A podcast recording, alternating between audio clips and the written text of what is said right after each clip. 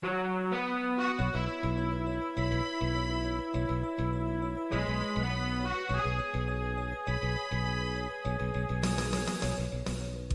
listening to Radio Free Asia.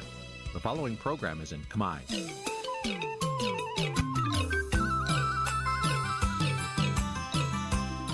Nǐ chi càm bi tiệp xáy vệt chiu a zì sê ray នេះជាកម្មវិធីផ្សាយរបស់ Vithu Azisari ជាភាសាខ្មែរ វត្តឈូអាស៊ីសេរីសូមស្វាគមន៍លោកអ្នកនាងទាំងអស់ពីរដ្ឋធានី Washington នៃសហរដ្ឋអាមេរិកចាប់ផ្សាយផ្ទាល់ពីរដ្ឋធានី Washington នាងខ្ញុំសុជីវីសូមជម្រាបសួរលោកអ្នកនាងអ្នកស្ដាប់ Vithu Azisari ទាំងអស់ជាទីមេត្រីយើងខ្ញុំសូមជូនការផ្សាយសម្រាប់យប់ថ្ងៃប្រហ័សចា11កើតខែអាសត់ឆ្នាំថោះបញ្ញស័កពុរសករាជ2567ចាដែលត្រូវនៅថ្ងៃទី25ខែតុលាគ្រិស្តសករាជ2023 ជាដំបូងនេះសូមអញ្ជើញលោកអ្នកនាងស្ដាប់ព័ត៌មានប្រចាំថ្ងៃ ដែលមានមេត្តាដូចតទៅ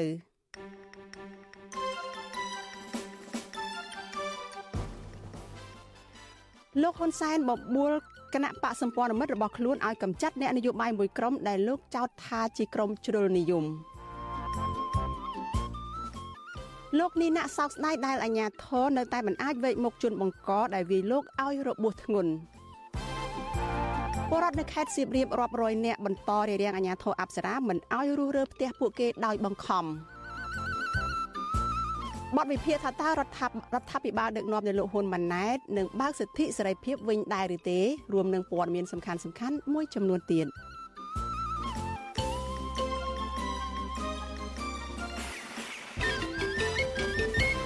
ចាជាបន្តទៅទៀតនេះនាងខ្ញុំសុជីវីសូមជូនព័ត៌មានទាំងនេះពិស្ដា ចលនានាងជាទីមេត្រីអ្នកជំនាញផ្នែកកសិកម្មលោកនីណាខកចិត្តដែលរយៈពេលជាង1ខែមកនេះអាញាធរនៅតែមិនអាចវេកមុខរកជនដៃដល់ដែលបានវាយលោកឲ្យរបួសយកមកផ្ដន់ទាទោសតាមច្បាប់ចាមន្ត្រីអង្គការសង្គមស៊ីវិលកត់សម្គាល់ថាអាញាធរហាក់ធ្វើការយឺតយ៉ាវចំពោះករណីលោកនីណាដែលផ្ទុយនឹងរឿងអរដ្ឋកម្មមួយចំនួនដែលពាក់ព័ន្ធនឹងអ្នកមានលុយមានអំណាចអាញាធរបែរជាចាត់វិធានការបានភ្លាមភ្លាម ចាប់ពីរដ្ឋធានី Washington លោកយ៉ងច័ន្ទដារារាយការណ៍អំពីរឿងនេះអ្នកជំនាញផ្នែកកសិកម្មដែលតែងតែចេញមុខរិះគន់ចំចំអំពីភាពអសកម្មរបស់មន្ត្រីរដ្ឋាភិបាល លោកនីណាអស់ជំនឿលើសមត្ថកិច្ចថានឹងអាចផ្ដល់យុត្តិធម៌ដល់រូបលោកនិងក្រុមគ្រួសារលោកនីណាប្រាប់វិទ្យុអាស៊ីសេរីនៅថ្ងៃទី25តុលាថាមកដល់ពេលនេះសមត្ថកិច្ចនៅតែមិនមានតម្រុយអំពីក្រុមជនល្មើសដែលបានព្រួតគ្នាវាយលោកស្ទើរស្លាប់ស្ទើររស់នោះនៅឡើយទេ លោកបន្តថាប្រសិនបើសមត្ថកិច្ចពិតជាស្វះស្វែងរកជនល្មើសមែននោះវាមិនពិបាកនោះទេពីព្រោះផុសតាងទាំងអស់មាននៅក្នុងកាមេរ៉ាសវត្ថិភាពក៏ប៉ុន្តែលោកថានេះគឺជាចេតនារបស់អាជ្ញាធរដែលមិនចង់រកយុត្តិធម៌ជូនដល់រូបលោក ចឹងរឿងនេះវាជាវប្បធម៌នៃនិតនភាពមួយដែលតែងតែមានជាប្រចាំនៅក្នុងបរិបទនៃការដឹកនាំប្រទេសរបស់រដ្ឋាភិបាលទាំងអាណត្តិមុនទាំងអាណត្តិនេះហើយខ្ញុំនៅតែគិតថាអំពើ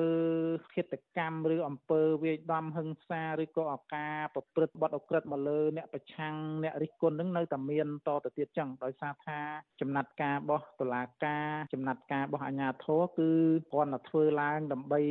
ឲ្យមហាជនស្ងប់ប់ចិត្តតែប៉ុណ្ណឹងកាលពីថ្ងៃទី12ខែកញ្ញាជនមិនស្គាល់មុខមួយក្រុមបានជិះម៉ូតូបុកម៉ូតូរបស់លោកនីណាឲ្យដួល នៅពេលលោកនិងប្រពន្ធរបស់លោកកំពុងធ្វើដំណើរចេញពីម្ដុំវត្តចម្ពោះក្អែកសម្ដៅទៅផ្ទះ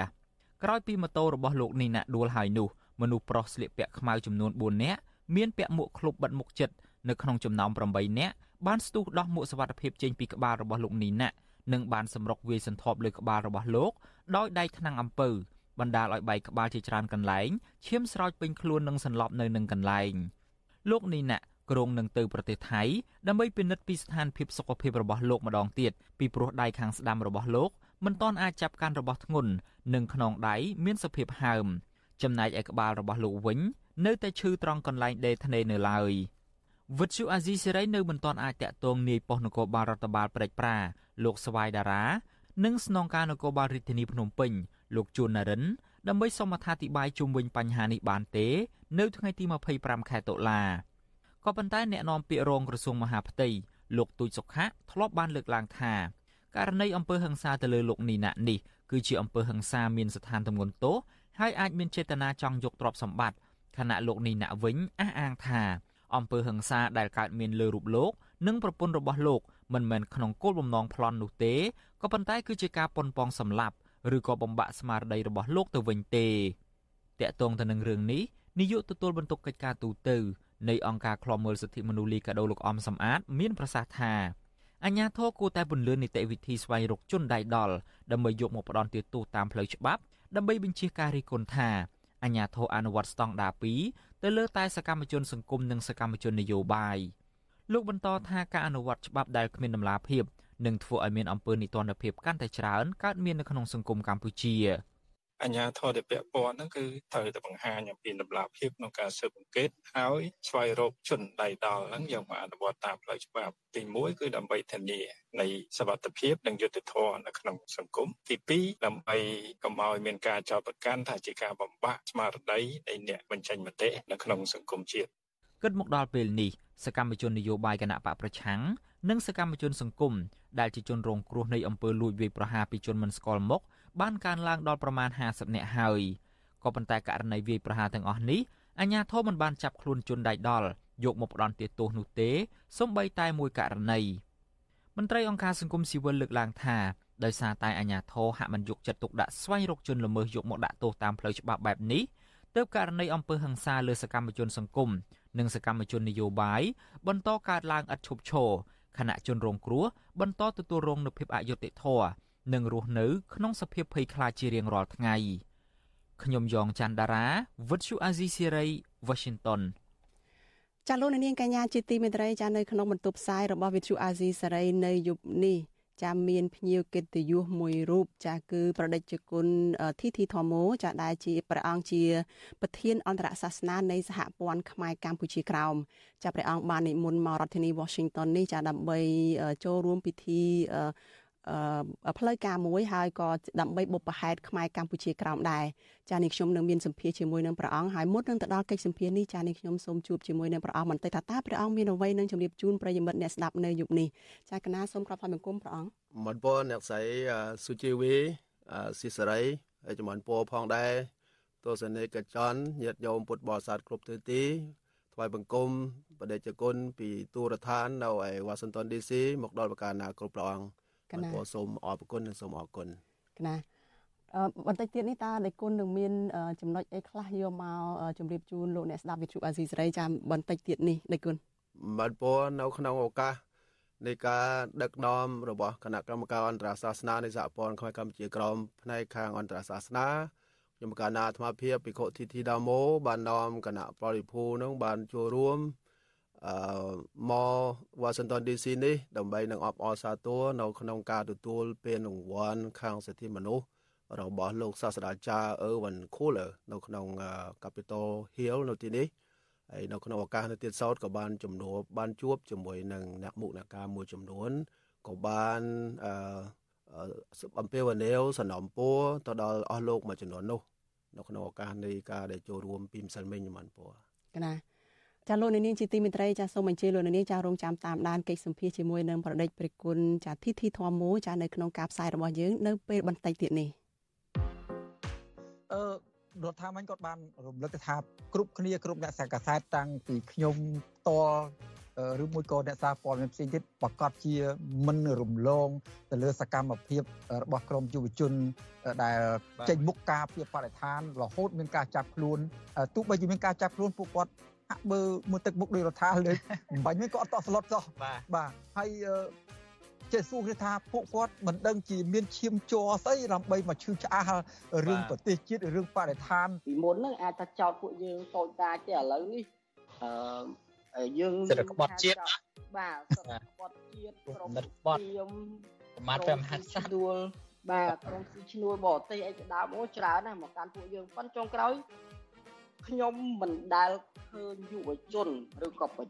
ជាពលរដ្ឋខ្មែរណាខ្លាចចឹងទេ មានតែបង្កើនក្តីអាណិតអាសូរបង្កើនការគោរពបង្កើនការគ្រប់គ្រងហើយ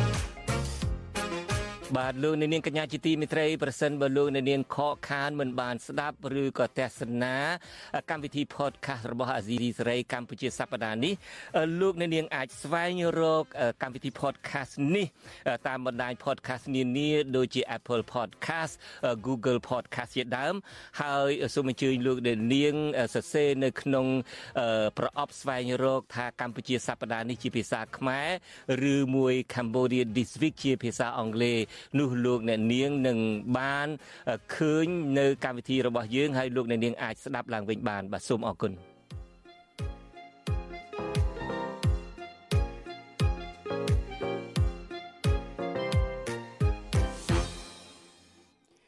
ចាលោកនាងកញ្ញាជាទីមេត្រីលោកអ្នកកំពុងតែស្ដាប់វិទ្យុអាស៊ីសេរីចាដែលផ្សាយចេញពីរដ្ឋធានី Washington សហរដ្ឋអាមេរិក ចាយើងងាកមកព័ត៌មានតកតនឹងអតីតនាយករដ្ឋមន្ត្រីចាលោកហ៊ុនសែននិងគណៈបកសម្ព័ន្ធភាពជាមួយនឹងគណៈបករបស់លោកវិញម្ដងចាលោកហ៊ុនសែនប្រធានគណៈបកប្រជាជនកម្ពុជាប្រាប់ទៅគណៈបកសម្ព័ន្ធមិត្តរបស់លោកទាំង27ថាឲ្យត្រៀមខ្លួនកម្ចាត់អ្នកនយោបាយមួយក្រុមដែលលោកចោទថាគឺជាក្រុមដែលជ្រុលនិយមចាអ្នកវិភាគនយោបាយនិងមន្ត្រីបកប្រឆាំងថាសម្ដីរបស់លោកហ៊ុនសែនគឺជាការបង្គាប់បញ្ជាលើគណៈបកសម្ព័ន្ធមិត្តដើម្បីបំបិតសម្លេងប្រឆាំងចេញពីកម្ពុជា ចាប់ពីរដ្ឋធានី Washington លោកសីបណ្ឌិតមានសេចក្តីរាយការណ៍អំពីរឿងនេះជូនលោកអ្នកនាងដូចតទៅ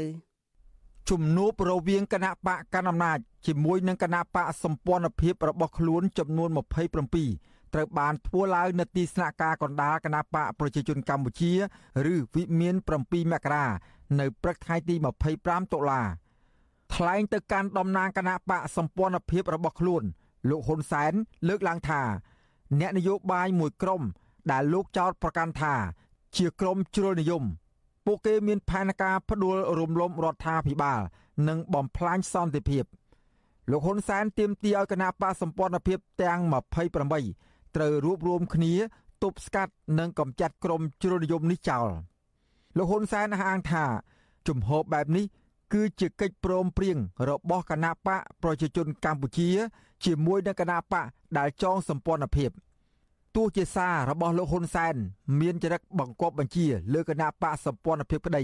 ប៉ុន្តែលោកហ៊ុនសែនថ្លែងការពីគណៈបកទាំង27នោះថាគណៈបកទាំងនោះមិនមែនជាគណៈបកអាយ៉ងរបស់គណៈបកប្រជាជនកម្ពុជាឡើយនេះជាទស្សនវិជ្ជាទាំងឡាយដែលខ្ញុំសូមបញ្ជាក់ថាយើងត្រូវរួមគ្នាដើម្បីកម្ចាត់ចោលទៅនយោបាយជលនិយម ដោយដែលខ្ញុំធ្លាប់ដាក់ទិសដៅថាត្រូវកំចាត់ចោលអង្គការចាត់តាំងនយោបាយនិងយោធារបស់ពួកខ្មែរក្រហមខ្ញុំធ្វើបានសម្រេចឥឡូវខ្ញុំចង់ប្រមូលអ្នកទាំងអស់គ្នាអត់ធ្វើកិច្ចការដ៏លំបាកទេគណៈបកនយោបាយចំនួន27ដែលចងសម្ព័ន្ធភាពជាមួយនឹងគណៈបកប្រជាជនកម្ពុជារួមមានគណៈបកពលឺថ្មីគណៈបកសញ្ជាតិកម្ពុជា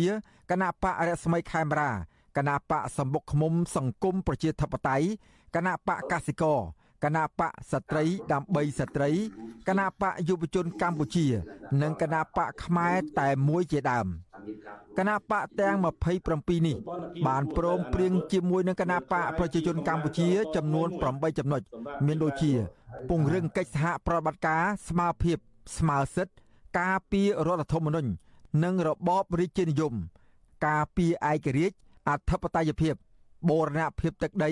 និងសហការគ្នាទប់ស្កាត់ និងកម្ចាត់ចោលនយោបាយជ្រុលនិយមជាដើមជុំវិញរឿងនេះដែរមន្ត្រីជាន់ខ្ពស់គណៈបកសង្គ្រោះជាតិប្រចាំខេត្តកំពង់ឆ្នាំងដែលកំពុងភៀសខ្លួននៅប្រទេសថៃលោកឌួងចន្ទ្រាយល់ឃើញថា សម្ព័ន្ធភាពរបស់គណៈបកកណ្ដាលអំណាចនៅពេលនេះគ្រាន់តែជាសម្ព័ន្ធភាពคล้ายៗដើម្បីបន្លំភ្នែកពលរដ្ឋតែប៉ុណ្ណោះមន្ត្រីជាន់ខ្ពស់គណៈបកប្រឆាំងរូបនេះលើកឡើងទៀតថា សារព្រមានរបស់លោកហ៊ុនសែនទំនងចង់សម្ដៅទៅលើមេដឹកនាំនយោបាយសកម្មជនគណបកសង្គ្រោះជាតិនិងសកម្មជនគណបកភ្លើងទៀនលោកថាលោកហ៊ុនសែននៅតែព្យាយាមតាមកម្ចាត់ឬគល់គណបកប្រឆាំងដើម្បីរក្សាអំណាចរបស់គណបកប្រជាជនកម្ពុជា។ អ្នកដែលមានសកម្មភាពសម្រាប់ចូលរួមក្នុងការបោះឆ្នោតពិតប្រាកដមានតែគណៈបកសង្គមជាតិហើយនិងសកម្មជនគណៈបកភ្លឹងទៀនតែប៉ុណ្ណោះដែលជាកម្លាំងពិតរបស់ប្រជាប្រដ្ឋក្នុងការផ្លាស់ប្ដូររបបរដ្ឋាភិបាលរដ្ឋាភិបាលនេះចឹងហើយបានជាលោកហ៊ុនសែនគាត់នៅតែព្យាយាមតាមកម្ចាត់ឬគល់អ្នកដែលប្រជាធិបតេយ្យនិយមក៏ដូចជាសំរងស៊ីនិយមនេះឯងបាទតកតូននឹងសារនយោបាយរបស់លោកហ៊ុនសែនថាតាមកំចាត់អ្នកនយោបាយជ្រុលនិយមនេះ បើទោះបីជាលោកហ៊ុនសែនមិនបញ្ចេញឈ្មោះអ្នកនយោបាយរូបណាក្តីប៉ុន្តែមនុស្សដែលលោកហ៊ុនសែនចង់សម្ដៅទំនងជាគ្មានអ្នកណាក្រៅពីលោកសំរាំងស៊ីប្រធានស្ដីទីគណៈបកសង្គ្រោះជាតិនិងសហការីដែលជិតស្និទ្ធជាមួយនឹងលោកនោះឡើយត្បិតតែមេដឹកនាំគណៈបកកណ្ដាលអំណាចរូបនេះនៅតែចោទប្រកាន់ថាចលនា9វិជ្ជការរបស់លោកសំរាំងស៊ីគឺជាទម្រង់នៃការផ្ដួលរំលំរដ្ឋាភិបាលបំផ្លាញសន្តិភាព ហើយតុលាការកំពុងកាត់ក្តីលើសំណុំរឿងនេះនៅឡើយអ្នកវិភាគនយោបាយលោកកឹមសុខយល់ថា សាររបស់លោកហ៊ុនសែននៅពេលនេះជាការបញ្ជាក់ថាគណៈបកទាំង27មិនមានតម្លៃស្មើមុខជាមួយនឹងគណៈបកប្រជាជនកម្ពុជា តែគណៈបកទាំងនោះគ្រាន់តែរងចាំធ្វើតាមបញ្ជារបស់លោកហ៊ុនសែនឬរបស់គណៈបកកណ្ដាលអំណាចតែប៉ុណ្ណោះលោកបន្តទៀតថាក្រោយចុះកិច្ចព្រមព្រៀងសម្ព័ន្ធភាពរួចហើយ គណៈបកទាំង27នេះអាចនឹងចាប់ផ្ដើមធ្វើសកម្មភាពអុកលុកក្រុមគណៈបកភ្លើងទៀនឬសម្ព័ន្ធមិត្តរបស់គណៈបកភ្លើងទៀន ពួកគេត្រូវបំរើនៅល្បិចកលនយោបាយរបស់លោកហ៊ុនសែនហើយអត់មានអ្វីធ្វើក្រៅតែពីចាំហ៊ុនសែនចង្អុលថាតទល់នឹងសម្ព័ន្ធអ្នកប្រជាធិបតេយ្យបែបណាគឺតទល់បែបហ្នឹងត្រូវធ្វើបាតុកម្មតទល់ធ្វើបាតុកម្មតទល់ត្រូវនាំគ្នាទៅបង្ហាញសកម្មភាពដល់មុខទីស្នាក់ការនៃសម្ព័ន្ធអ្នកប្រជាធិបតេយ្យគឺគេធ្វើសកម្មភាពរបៀបនោះហ៊ុនសែនឲ្យប្តឹងគឺត្រូវតែប្តឹងទៅតុលាការ លោកហ៊ុនសែនបានប្រកាសទទួលយកការសុំចងសម្ព័ន្ធភាពពីគណៈបកក្រៅរដ្ឋាភិបាលជិត30កាលពីថ្ងៃទី31ខែតុលាគណៈបកទាំងនោះហាក់មានតែឈ្មោះតែមិនឃើញធ្វើសកម្មភាពនយោបាយអ្វីឡើយហើយគណៈបកខ្លះមានត្រឹមតែឈ្មោះតែមិនបានចូលរួមបោះឆ្នោតក៏មានសម្ព័ន្ធភាពរបស់គណៈបកកណ្ដាលអំណាចនៅពេលនេះកើតឡើងក្រោយពេលគណៈបកភ្លើងទៀន ដែលជាគណៈបកប្រឆាំងចុងក្រោយនៅកម្ពុជា បានប្រកាសជាផ្លូវការចងសម្ព័ន្ធភាពជាមួយនឹងគណៈបកឆន្ទៈខ្មែរគណៈបកប្រជាធិបតេយ្យមូលដ្ឋាន និងគណៈបកកែតម្រង់កម្ពុជា ខ្ញុំបាទសេកបណ្ឌិតវិទ្យុអាស៊ីសេរីពីរដ្ឋធានីវ៉ាស៊ីនតោនចាលោកនាងកញ្ញាប្រិយមិត្តជាទីមេត្រីចាតតទៅនរដ្ឋបាលដឹកនាំដោយលោកហ៊ុនម៉ាណែតនេះវិញ ចាស់ប្រជាពលរដ្ឋនិងមន្ត្រីរាជការតែងតែរំពឹងថាកម្ពុជានឹងអាចផ្លាស់ប្ដូរមុខមាត់ថ្មី នៅក្រៅពេលមាននាយរដ្ឋមន្ត្រីថ្មីគឺលោកហ៊ុនម៉ាណែតប៉ុន្តែមកដល់ពេលនេះកម្ពុជានៅតែដូចជាគ្មានអ្វីខុសប្លែកពីមុនឡើយផ្ទុយទៅវិញកម្ពុជានៅក្រោមការដឹកនាំរបស់លោកហ៊ុនម៉ាណែតមិនត្រឹមតែមិនបានធ្វើឲ្យប្រជាពលរដ្ឋចាំមានសេចក្តីសុខនៅក្នុងសង្គមនោះទេក៏ប៉ុន្តែក៏ធ្វើឲ្យប្រជាពលរដ្ឋស្ថិតនៅក្នុងភាពភ័យខ្លាចគ្មានសិទ្ធិសេរីភាពពេញលេញដដែល ចតើមូលហេតុអ្វីបានជារដ្ឋបាលរបស់លោកហ៊ុនម៉ាណែតមិនបើកលំហសិទ្ធិសេរីភាពទៅដល់ប្រជាពលរដ្ឋឲ្យបានពេញលេញចាសសូមអញ្ជើញលោកអ្នកនាងចារងចាំស្ដាប់បទវិភាគមួយចារបស់លោកទីនសការីយ៉ានៅក្នុងការផ្សាយរបស់យើងនៅពេលបន្តិចទៀតនេះ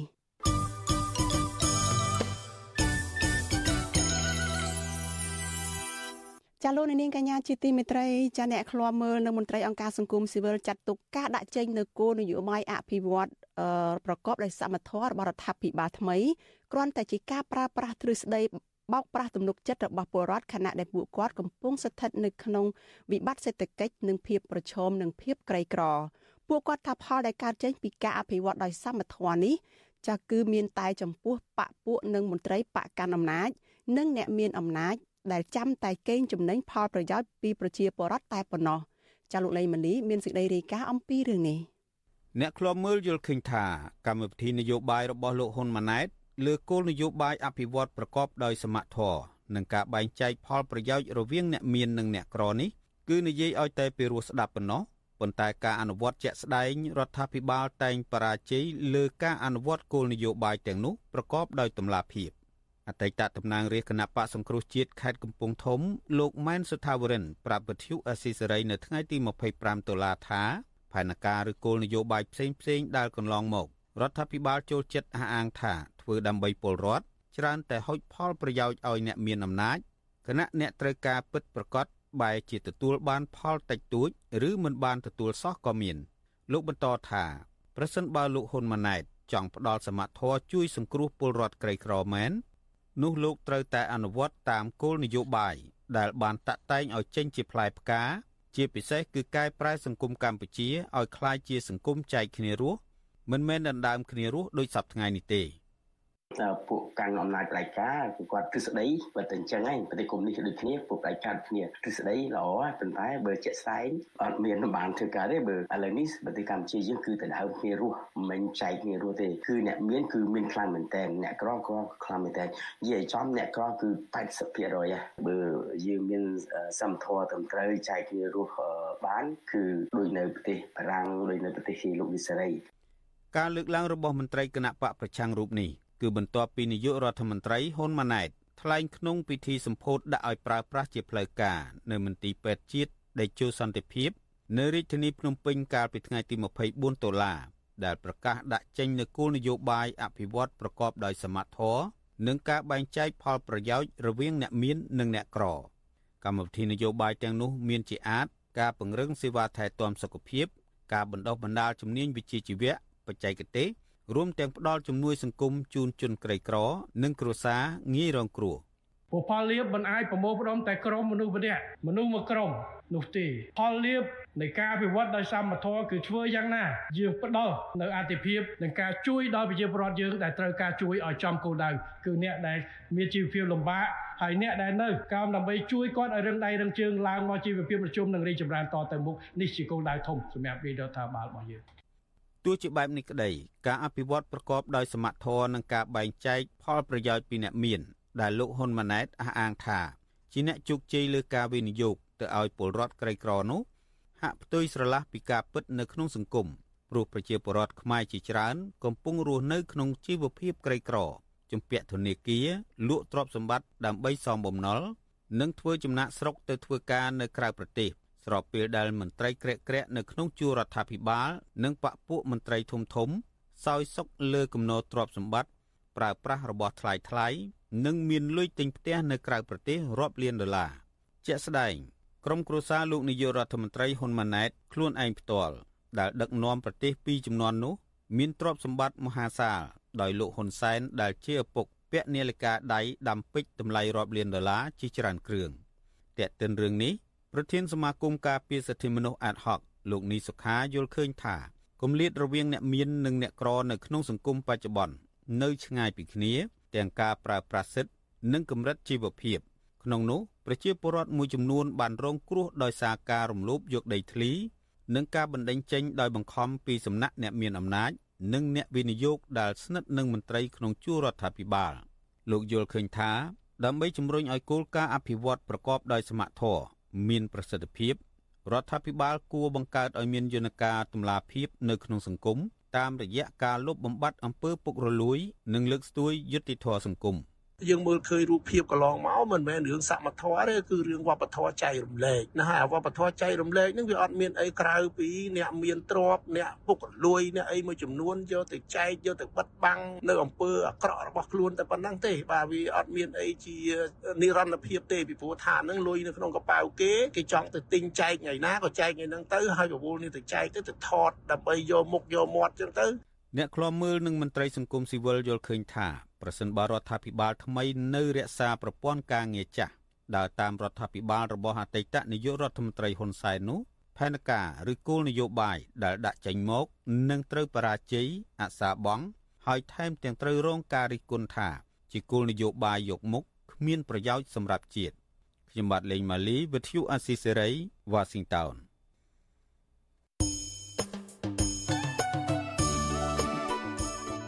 ចាលោកនាងកញ្ញាជាទីមេត្រីចាដំណើរគ្នានឹងស្ដាប់ការផ្សាយផ្ទាល់របស់ Vithu Azizi សេរីចាតាមរយៈបណ្ដាញសង្គម Facebook YouTube និង Telegram ចាលោកនាងក៏អាចស្ដាប់ការផ្សាយរបស់យើងចានៅលើ Vithu រលកធាតុអាកាសខ្លីចាតាមកម្រិតនិងកម្ពស់ដូចតទៅនេះ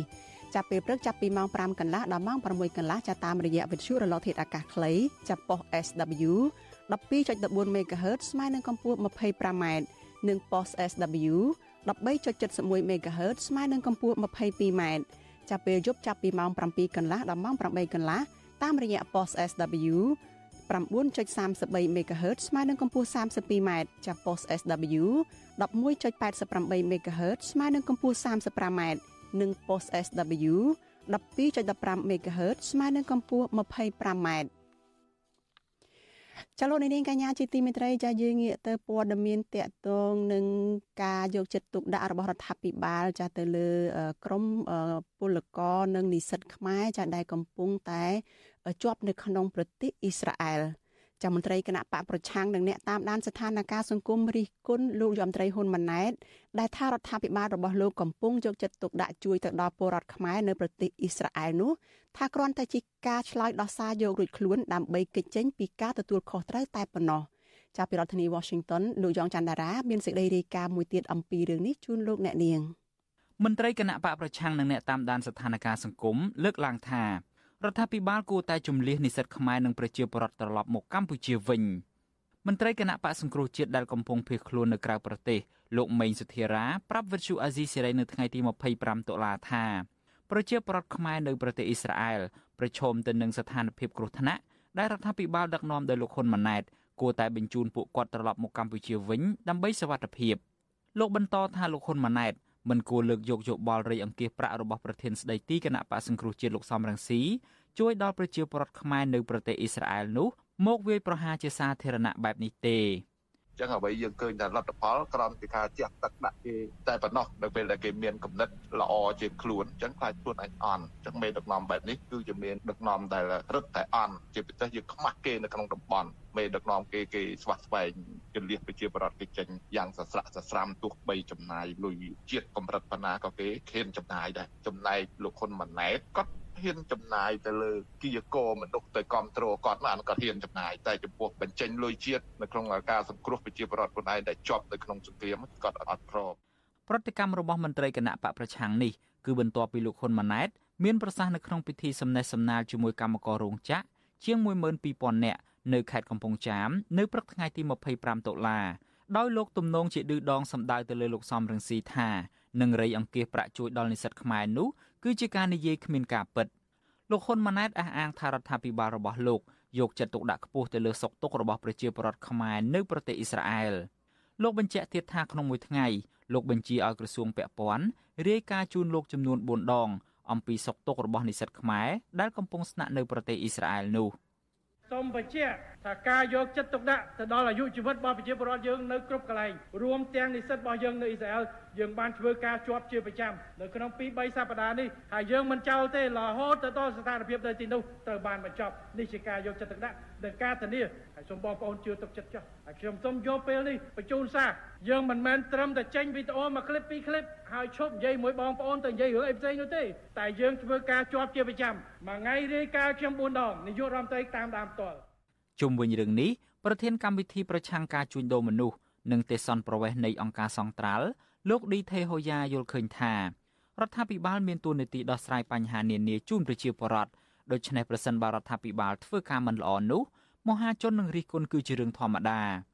លោកចាត់ទុកការលើកឡើងរបស់លោកហ៊ុនម៉ាណែតថាគ្រាន់តែជាការដោះសារដើម្បីគេចវេះពីការទទួលខុសត្រូវប៉ុណ្ណោះ រដ្ឋាភិបាលគួរតែលះបង់ចោលនៅអាការគិតមួយដែលអ្នកដទៃមើលឃើញខុសពីខ្លួនហើយគិតថាគេប្រឆាំងជាក្រុមបតិកិរិយាមិនមែនទៅគឺការគិតរបស់គេហ្នឹងក៏គេគិតគូរអំពីចិត្តសាស្ត្ររបស់គេគេគិតគូរអំពីប្រជាពលរដ្ឋរបស់គេដែរហើយការលើកឡើងទាំងអស់នេះគឺគួរតែយកទៅពិចារណាដើម្បីស្វែងរកដំណោះស្រាយរួមគ្នាជាជាងការដែលរដ្ឋាភិបាលគិតផ្សេងហើយអ្នកនៅក្រៅរដ្ឋាភិបាលគិតផ្សេងហើយអ្នកដែលគិតផ្សេងពីរដ្ឋាភិបាលហ្នឹងត្រូវបានរដ្ឋាភិបាលចាត់ទុកជាក្រុមប្រឆាំងបប្រឆាំងឬជនបតិកិរិយាជាដើមការគិតបែបនេះគឺមិនចម្រើនសម្រាប់ជាតិសាសន៍របស់យើងទេបច្ចុប្បន្ននេះមាននិស្សិតខ្មែរជាង450នាក់កំពុងសិក្សានៅប្រទេសអ៊ីស្រាអែលហើយក្នុងព្រឹត្តិការណ៍ប្រយុទ្ធគ្នារវាងក្រុមជីវពលប្រដាប់អាវុធហាម៉ាស់និងកងទ័ពអ៊ីស្រាអែលចាប់តាំងពីថ្ងៃទី7ខែតុលារហូតមកដល់ពេលនេះក្នុងនោះមាននិស្សិតខ្មែរម្នាក់ឈ្មោះច័ន្ទឧត្តមក៏បានស្លាប់នៅក្នុងព្រឹត្តិការណ៍ប្រយុទ្ធគ្នារវាងកងទ័ពអ៊ីស្រាអែលនិងក្រុមហាម៉ាស់កាលពីថ្ងៃទី7ខែតុលានោះដែរ។ រហូតមកដល់ពេលនេះស្ថានភាពសង្គ្រាមនៅតំបន់នោះមិនទាន់ស្ងប់ស្ងាត់នៅឡើយទេ ហើយមានសភាពកាន់តែរីកធំឡើងបញ្ហានេះបានធ្វើឲ្យប្រទេសជាច្រើននៅលើពិភពលោកបានជំលះប្រជាពលរដ្ឋរបស់ខ្លួនត្រឡប់ទៅប្រទេសវិញក្នុងនោះប្រទេសថៃដែលនៅជិតខាងកម្ពុជា បានយកយន្តហោះយោធា និងជួលយន្តហោះឯកជនជាច្រើនគ្រឿងទៅដឹកប្រជាពលរដ្ឋរបស់ខ្លួនបានជិត10000នាក់ហើយដើម្បីត្រឡប់ទៅប្រទេសថៃវិញ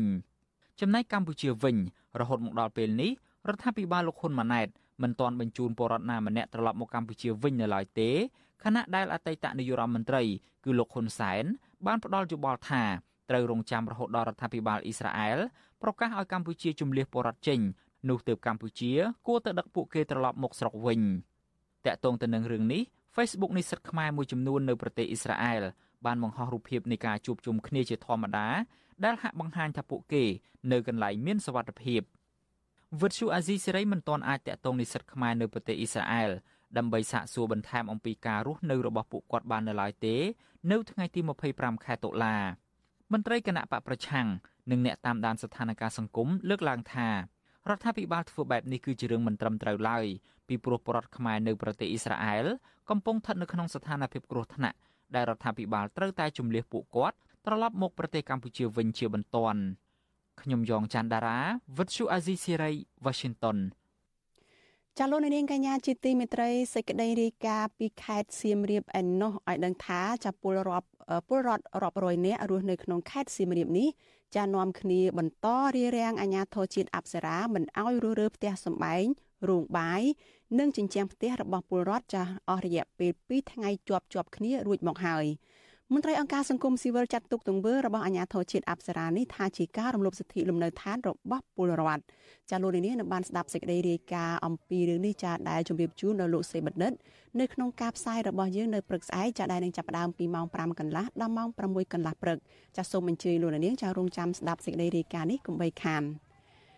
ចាលោកនាងកញ្ញាជាទីមេត្រីយើងងាកមកព័ត៌មានតកតងនឹងបញ្ហារបស់ប្រជាពលរដ្ឋចាដែលកំពុងជួបប្រទះគ្រោះទឹកជំនន់ឬក៏ចំនួនទឹកភ្លៀងចានៅក្នុងរាជធានីភ្នំពេញវិញម្ដង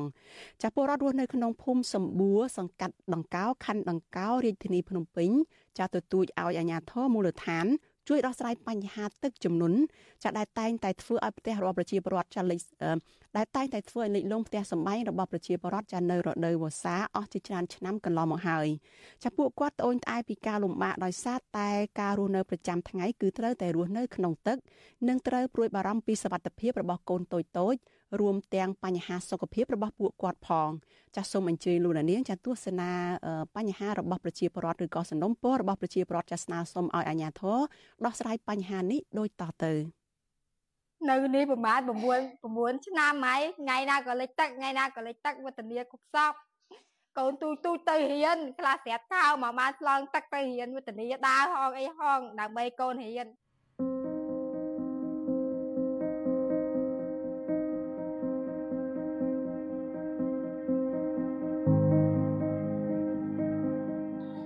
មើលខ្ញុំកូនទូកូនធំវឌ្ឍនាចង់ងាប់នៅក្នុងទឹក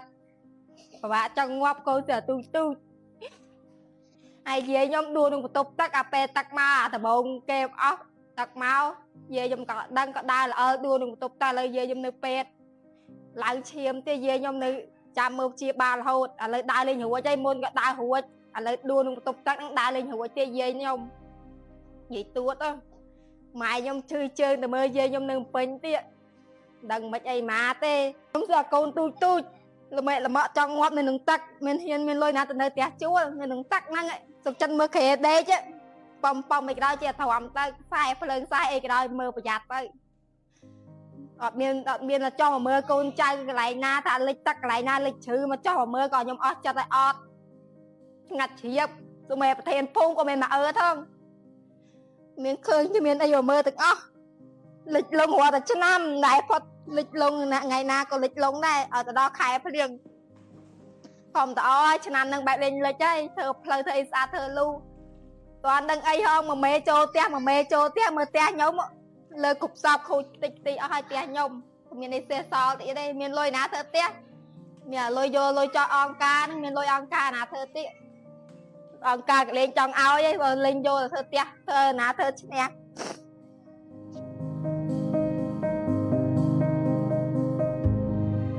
បាករបស់ខ្ញុំគឺបញ្ហាដែលធ្វើដំណើរទៅធ្វើការបញ្ហាត្រង់ហ្នឹងមួយទី2កូនតូចសូមដល់អាជ្ញាធរភូមិសង្កាត់អីជួយរៀបចំឲ្យជាពលរដ្ឋយើងឲ្យបានលឿនព្រោះអីបញ្ហានេះស្ថិតនៅលើបញ្ហាដែលបំផុតគឺបញ្ហាក្មេងៗកូនតូចរបស់ខ្ញុំឥឡូវនេះជាលះខ្លួនទៅលើលើខ្លះហើយផ្ទះគេផ្ទះអីខ្លះហើយ ជាបន្តដំបូងនេះខ្ញុំចង់ឲ្យអាជ្ញាធរភូមិឃុំសង្កាត់ហ្នឹងឲ្យធ្វើរៀបចំប្រព័ន្ធលូដើម្បីឲ្យវាស្រួលទាំងអស់គ្នាមិនថាខ្ញុំអ្នកភូមិទាំងអស់និយាយចំឲ្យវាស្រួលទាំងអស់គ្នាចង់បានធ្វើលក់និយាយចំចង់បានប្រព័ន្ធទឹកឲ្យហូរចេញឆាប់លឿនលឿនអញ្ចឹងហ្មងទី1បើស្វិនតែធ្វើមិនតាន់ឲ្យអាជ្ញាធរភូមិហ្នឹងបូមឲ្យឆាប់ឲ្យរីងហើយដល់តែភ្លៀងមួយមេ លិចកន្លះមេក៏លិចដែរមិនបាច់ដល់មួយមេអញ្ចឹងការធ្វើដំណើរវេទនាណាហ្មងដើរដល់ខ្នល់នោះខ្ញុំចាស់ហើយទៅធ្វើការសំណុំពោសូមអាជ្ញាធរជួយដោះស្រាយបញ្ហាផ្លូវទឹកហ្នឹងឲ្យបានរហ័សចាពីព្រោះក្នុងមួយភូមិហ្នឹងគឺទៅណាមួយរួចហើយសូមឲ្យបានរហ័សសូមខ្ញុំសូមសំណុំពោអាជ្ញាធរដែនដីខាងក្នុងកៅហ្នឹងហ្មងសូមលោកជួយណា លោកជួយមួយសាហើយជួយម្ដងទៀតជួយធ្វើម៉េចឲ្យប្រព័ន្ធលូហ្នឹងឲ្យហូរវាអត់ហូរទេវានៅកាំងកប់នៅហ្នឹងចាហើយសុំធ្វើផ្លូវហ្នឹងឲ្យល្អផងពិបាកណាស់រយៈពេលជិត10ឆ្នាំវេទនាណាពូ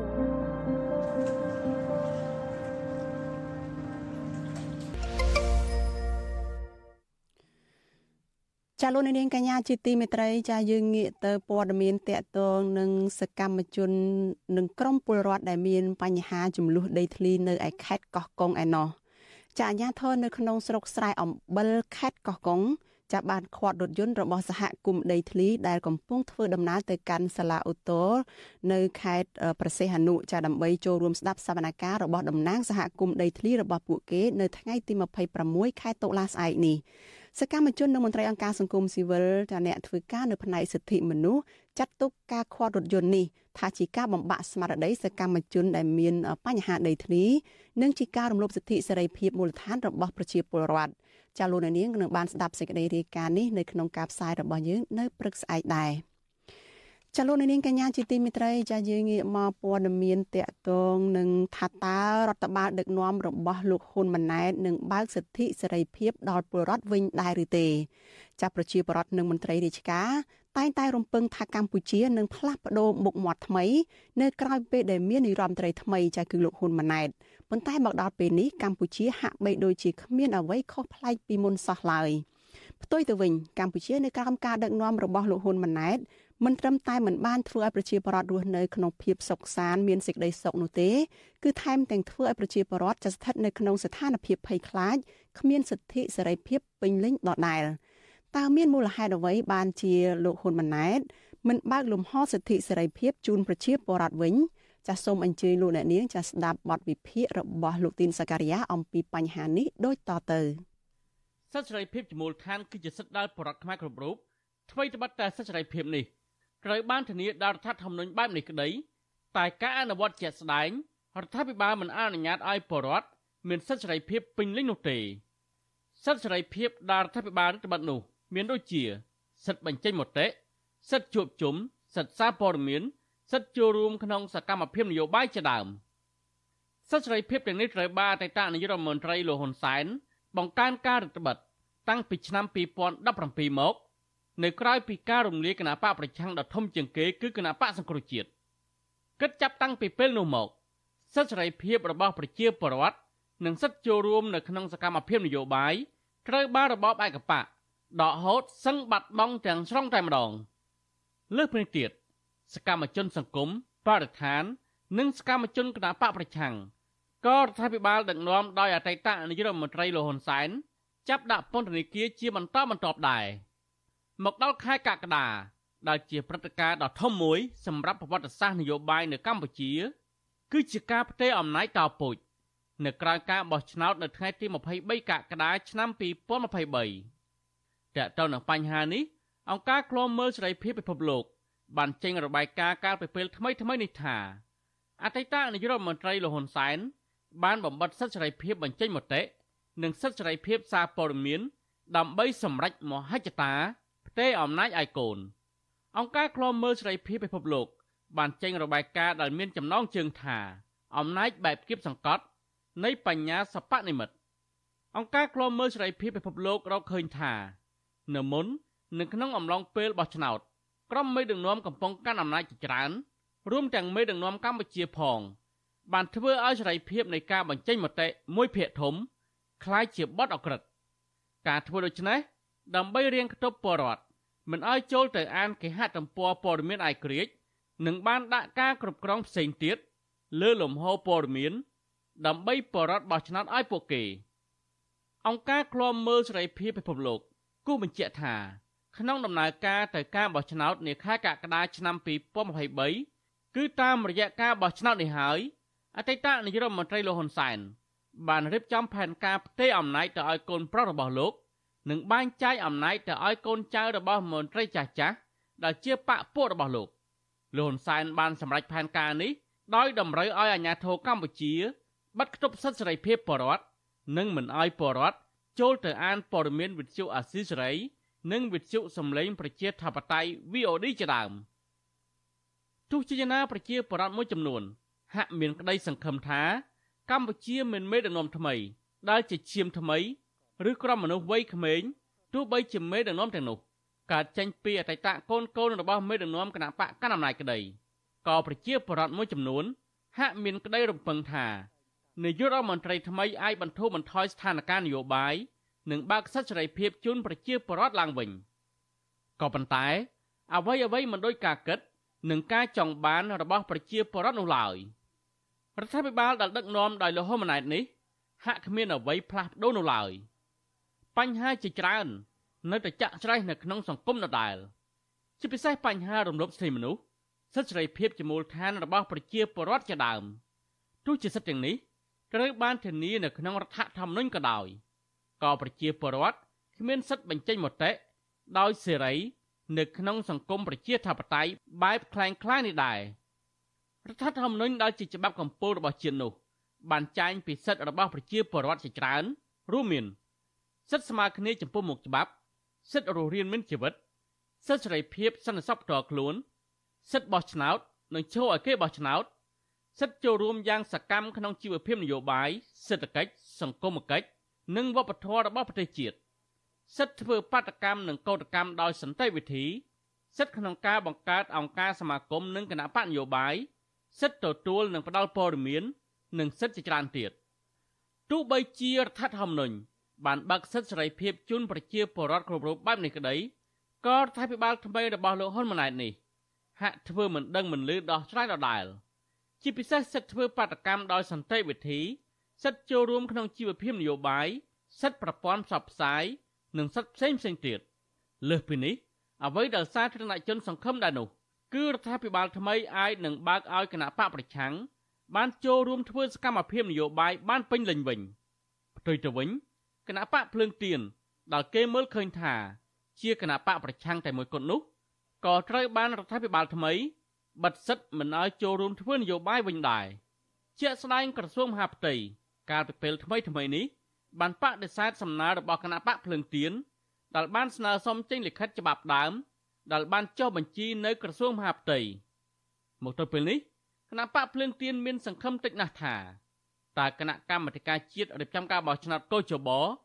នឹងអាចឲ្យគណៈបកប្រឆាំងមួយនេះដាក់បេក្ខជនសម្រាប់ចូលឈ្មោះបោះឆ្នោតប្រសិទ្ធភាពដែរឬយ៉ាងណានោះទេតើហេតុអ្វីបានជារដ្ឋាភិបាលថ្មីដឹកនាំដោយលោកហ៊ុនម៉ាណែតនេះមិនព្រមបឹកសិទ្ធឲ្យគណៈបកប្រឆាំងនិងសិទ្ធិរបស់ប្រជាពលរដ្ឋឡើងវិញពាក្យសេរីភាពនិងសន្តិភាពត្រូវបានរដ្ឋាភិបាលឪនឹងកូនយកមកបិទបាំងក្រោមរូបភាពប្រជាធិបតេយ្យคล้ายៗ ដើម្បីបន្លំភ្នែកមហាជនតែប៉ុណ្ណោះបញ្ហានេះលោកសំរងស៊ីប្រធានស្ដីទីគណៈបកសង្គ្រោះជាតិបានហៅប្រជាធិបតេយ្យនៅកម្ពុជាក្រោមការដឹកនាំរបស់លោកហ៊ុនសែននិងលោកហ៊ុនម៉ាណែតនេះថាជាប្រជាធិបតេយ្យភ្នំខ្មោច លោកហ៊ុនសែននិយាយតែពីរឿងសន្តិភាពคล้ายៗរបស់គាត់គឺសន្តិភាពភ្នូលខ្មោចសន្តិភាពទាសកលសន្តិភាពក្រោមការគៀបសង្កត់របស់គាត់ពេលដែលប្រជារាស្ត្ររងគ្រោះស្រែកយំបាត់ដីធ្លីគេលួចប្រាក់ខែគេបង្អត់គ្រប់សពគ្រប់បែបយ៉ាងទាំងអស់នឹងគាត់មិននិយាយទេជាសរុបសេចក្តីទៅរដ្ឋាភិបាលថ្មីរបស់លោកហ៊ុនម៉ាណែតនឹងមិនបើកលំហសេរីភាពជូនប្រជាប្រដ្ឋវិញ ដោយដែលមានចែងនៅក្នុងរដ្ឋធម្មនុញ្ញនោះឡើយមានទលេហិកមួយចំនួន ដែលលោកហ៊ុនម៉ាណែតមិនបើកលំហសិទ្ធិសេរីភាពវិញនេះដូចជាលោកហ៊ុនសែននៅតែមានអត្តពលកាច់ចង្កូតរដ្ឋបាលដឹកនាំរបស់លោកហ៊ុនម៉ាណែតដដែលជាក់ស្ដែងដូចជាករណីប្រជាពលរដ្ឋកំពុងតែពុះកញ្ជ្រោលប្រតិកម្មទៅនឹងការប្រមូលពន្ធការប្រពេលថ្មីថ្មីនេះបានធ្វើឲ្យលោកហ៊ុនសែនដេកមិនលក់បកមិនឡាយឡើយលោកហ៊ុនសែនបានចេញមុខអាកាត់ភ្លាមភ្លាម ដោយមិនបង្អង់យូរឡើយលោកបានចេញសារសម្លេងអន្តរកម្មពីបញ្ហានេះបញ្ហាពន្ធដារសូមក្នុងក្រុមជួយពិនិត្យមើលបញ្ហាពន្ធដារហេតុអីបានទៅជាផ្ទុះយើងដូចជាមិនតាន់បានធ្វើអីទេប៉ុន្តែយើងបែរជានិយាយច្រើនឥឡូវនេះបញ្ហាវាដូចជាផ្ទុះហើយបង្កើតឡើងនៅពាក្យតខំបោះឆ្នោតឲ្យមកខំមកដែរណែ បង្កើនពន្ធដារឯណាឯនោះទៅវិញយើងបញ្ញាប់និយាយពេកទៅដឹងលើសពីនេះទៀតទាំងលោកហ៊ុនសែននិងលោកហ៊ុនម៉ាណែតតាមមើលទៅតំណងជាមិនទុកចិត្តខ្លួនឯងក្នុងការបើកសិទ្ធិសេរីភាពវិញនេះទេ បញ្ហានេះតំណងជាឪពុកនិងកូននេះគិតថាប្រសិនបើបើកលំហសិទ្ធិសេរីភាពជូនប្រជាប្រដ្ឋនោះនឹងធ្វើឲ្យរង្គោះរង្គើដល់អំណាចត្រកូលហ៊ុនជាមិនខានដោយសារតែពួកគេដឹងច្បាស់ថា កម្ពុជាក្រោមការដឹកនាំរបស់ត្រកូលហ៊ុននេះបានសាងកំហុសជាច្រើន ជាពិសេសធ្វើឲ្យបរិវត្តអង្គការជឿចាប់បាត់បង់ដីធ្លីលំនៅឋានជាប់គុកច្រវាក់បាញ់សម្លាប់អត្រាប្រណីថែមទៀតដូចជាករណីឃាតកម្មបាញ់សម្លាប់បណ្ឌិតកែមលីជាឧទាហរណ៍ស្រាប់បញ្ហានេះទំនងជាលហោមណាតដឹងច្បាស់ថាបើសិនជាបើកលំហសេរីភាពប្រជាពលរដ្ឋនិងសិទ្ធិសេរីភាពជូនគណៈបកនយោបាយប្រឆាំងនោះ ប្រហែលជាលោកដឹងថាមិនអាចដណ្ដើមជ័យជំនះពីការបោះឆ្នោតដោយសេរីត្រឹមត្រូវនិងយុត្តិធម៌បានឡើយដោយសារតែបញ្ហាទាំងអស់នេះហើយទើបឪពុករបស់លោក គឺលោកហ៊ុនសែនបានរៀបចំការបោះឆ្នោតកាលពីខែកក្កដាឆ្នាំ2023កន្លងទៅហើយទប់ស្កាត់គណៈបកប្រឆាំងជាមុនសិនទើបលោករៀបចំការបោះឆ្នោតដោយគ្មានដៃគូប្រកួតប្រជែងប្រហាក់ប្រហែលគ្នា ទីបំផុតលោកហ៊ុនសែនបានទទួលជ័យជំនះយ៉ាងត្រចះត្រចង់ ក្រោយពីទទួលបានជ័យជំនះនេះហើយទើបលោកហ៊ានលើកទង់ជ័យឬផ្ទេរអំណាចឲ្យកូនប្រុសរបស់លោកគឺលោកហ៊ុនម៉ាណែតដោយគ្មានឧបសគ្គរៀងខ្ទប់អ្វីនោះឡើយខ្ញុំបាទទីនសាការីយ៉ាអស៊ីសេរីប្រធានាធិបតី Washington ចាលោកនាងកញ្ញាជាទីមេត្រីចាជាបន្តទៅទៀតនេះចានាងខ្ញុំនឹងសម្ភាសចាប្រដេជគុណធីធីធម្មោចាដែលព្រះអង្គកំពុងស្ថិតនៅក្នុងបន្ទប់ផ្សាយរបស់វិទ្យុអាស៊ីសេរីតែម្ដងនៅពេលនេះចាព្រះអង្គជាប្រធានអន្តរសាសនានៃសហព័ន្ធខ្មែរកម្ពុជាក្រោមចាព្រះអង្គធ្វើដំណើរមកកាន់រដ្ឋធានី Washington នេះគឺដើម្បីចូលរួមពិធីផ្ដល់ពានរង្វាន់មួយចាផ្នែកការពារសិទ្ធិមនុស្សទៅដល់អតីតរដ្ឋមន្ត្រី នៃក្រសួងយុតិធធរបស់ប្រទេសកាណាដានិងជាមេធាវីការពារសិទ្ធិមនុស្សអន្តរជាតិគឺលោក Ivan Kotler ដែលប្រព្រឹត្តទៅកាលពីថ្ងៃទី24ខែតុលាម្សិលមិញនេះចាស់ក្នុងពិធីនោះចាស់ព្រះអង្គព្រះភិក្ខុធីធីធម្មោចាស់ព្រះអង្គបានឆ្លៀតឱកាសស្វែងរកកិច្ចអន្តរាគមន៍ពីសមាជិកគណៈកម្មការសេរីភាពអន្តរសាសនារបស់សហរដ្ឋអាមេរិកនិងលោក Ivan Kotler ដើម្បីឲ្យរដ្ឋាភិបាលវៀតណាមដោះលែងសកម្មជនសិទ្ធិមនុស្សខ្មែរក្រោមចំនួន4នាក់ដែលកំពុងជាប់ឃុំដោយសារតែការប្រើប្រាស់សិទ្ធិសម្ដែងមតិរបស់ពួកគេចាដូច្នេះនេះខ្ញុំសូមសម្ភាសបដិជគុណដូចតទៅចាកណាថ្វាយគុំដៃគុណជាថ្មីម្ដងទៀតដៃគុណបានពោះបានពោះអ្នកស្រីសុជីវីដៃគុណតើម្សិលមិញនេះកម្មវិធីប្រគល់ពេញរង្វាន់នឹងតើប្រព្រឹត្តទៅយ៉ាងម៉េចទៅមានការចូលរួមយ៉ាងណាមានអ្នកមុខអ្នកការនឹងហើយ ជាអ្នកដែលធ្វើការងារដើម្បីសិទ្ធិមនុស្សនឹងអីយ៉ាងណាខ្លះទៅបានជា មានវត្តមានប្រជាជននៅក្នុងកម្មវិធីហ្នឹងដៃគុណបានពលជាបឋមខ្ញុំគណៈអាត្មាភាពសូមអរគុណអាស៊ីសេរីផ្ដល់ឱកាសដល់វិសេសវិសានេះសម្រាប់បែកអន្តរសាសនាសហព័ន្ធខ្មែរកម្ពុជាក្រោមចំនួនពោសាជាថ្មីនិងថ្វាយអង្គមពីទូរដ្ឋានផងដែរសម្រាប់ប្រកាសណានៅក្នុងស្រុកលើពិភពលោកទាំងមូលតាមពិតទៅយើងមានកិត្តិយស ដោយបានត្រូវគេនិមន្តនឹងអញ្ជើញទៅតាមអង្គការមួយ ជាមូលនិធិគេហៅ Lontos Foundation for Human Rights ជាមួយនឹង Justice ដែលដឹកនាំដោយអ្នកស្រីត្រូវជាកូនបង្កើតរបស់លោក Tom Lantos ដែលជាអតីត Congress ជាអតីតសភារដ្ឋសភាអាមេរិក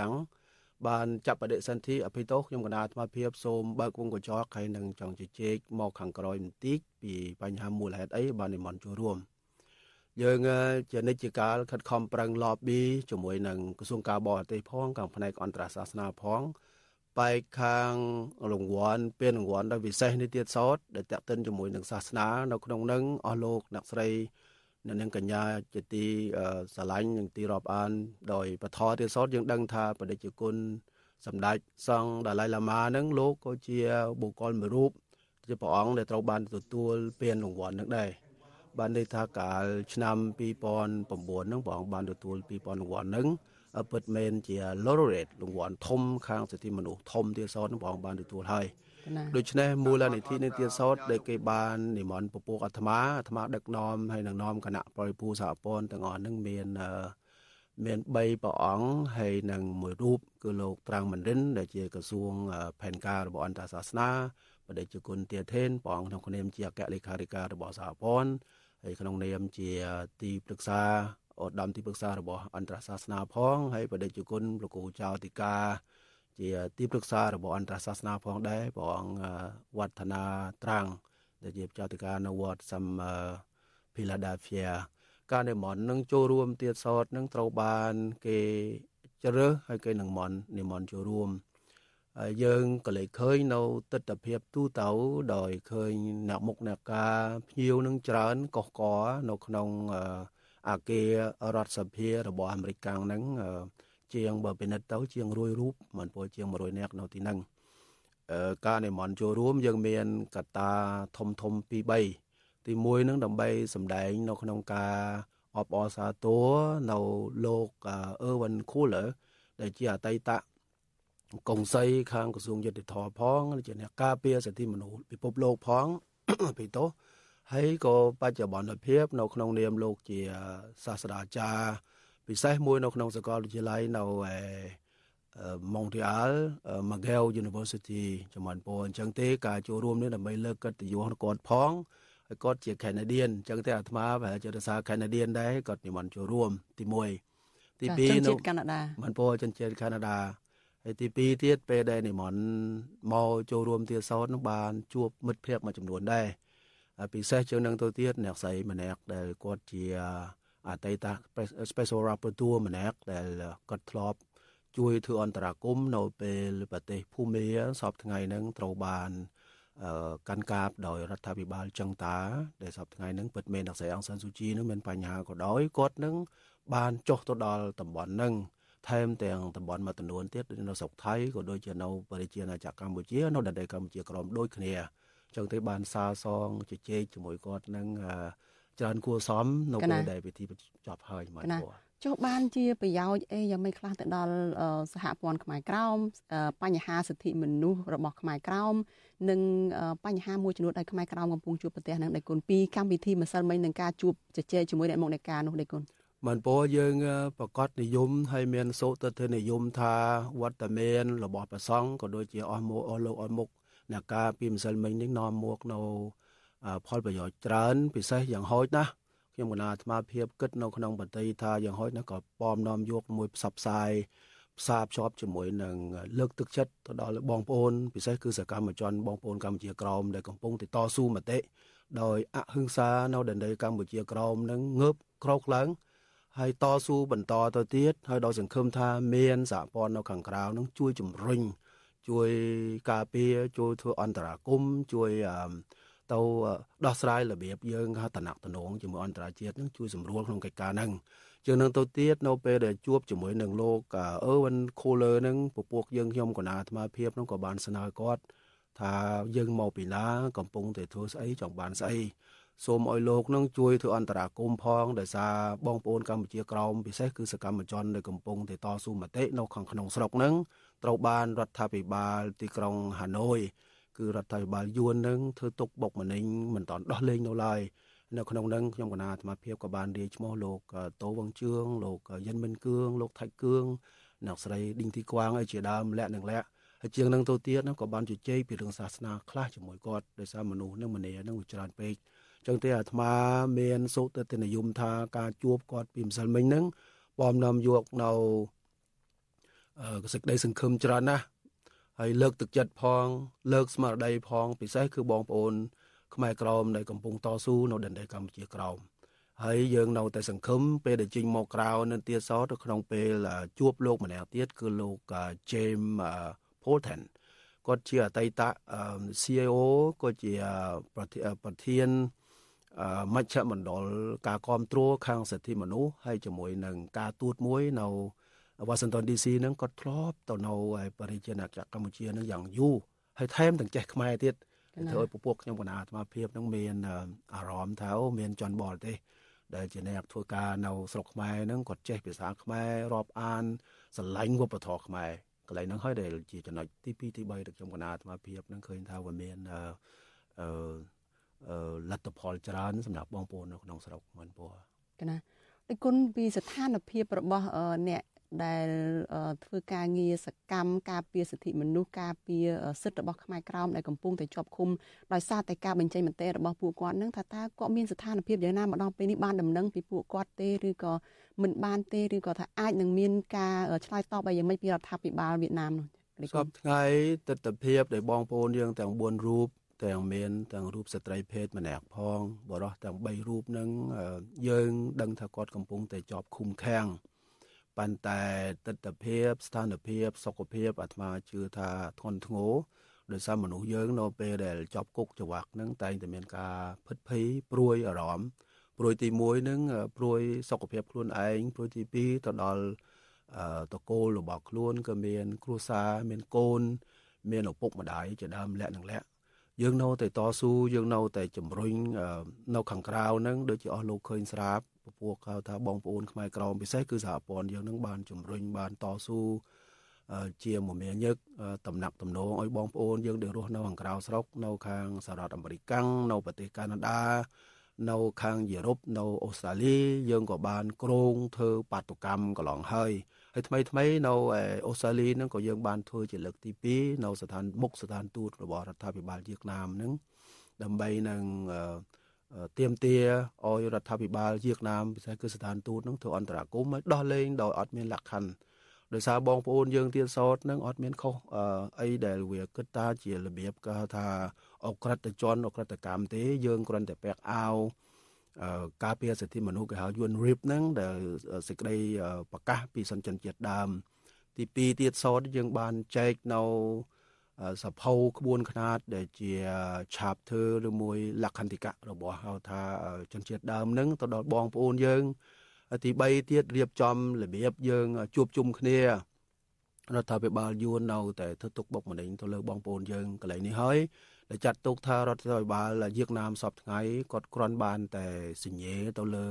กระดาษស្នាមទៅលើសភៅក្បួនខ្នាតពិតមែនប្រទេសជាតិពិត នៅតែជិះជាន់នៅតែជន់ឈ្លីមកទៅដល់លើបងប្អូន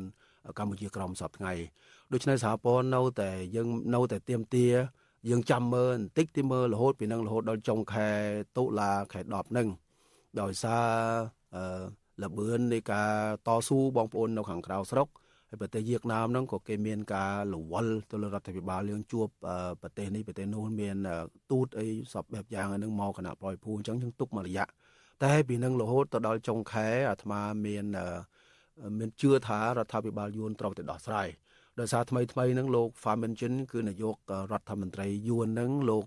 បានឈៀងទៅថ្វាយបង្គំសួរសុខទុក្ខបដិជគុណសុកសាននៅខេត្តមួយនៅដែនដីកម្ពុជាក្រោមហ្នឹងហើយបានថែមទាំងអរគុណនៅការរៀបចំសួរសុខទុក្ខដោយការបញ្ចុះបញ្ចូលផងហើយរបៀបគេហៅថាចាត់ទុកថាដូចជាយើងថា វាយយើងហើយហើយដង្អែលយើងត្បកក្បាលយើងហើយនៅតែដង្អែលខ្នងយើងរបៀបនយោបាយរបស់រដ្ឋាភិបាលជាណាមប៉ុន្តែទន្ទឹមនឹងទៀតសោតក៏គេស្ទាបស្ទងដែរតើស្ទាបស្ទងបងប្អូនយើងនៅខាងក្នុងយើងនៅតែតស៊ូយើងនៅតែក្រែងរនាលជាមួយនឹងកិច្ចការនឹងទៅទេអាត្មាភាពជឿថា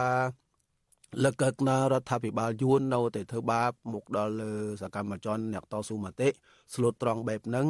បើសិនជានៅតែធ្វើបាបអញ្ចឹងយើងនៅតែក្រោកក្រោកឡើងតស៊ូ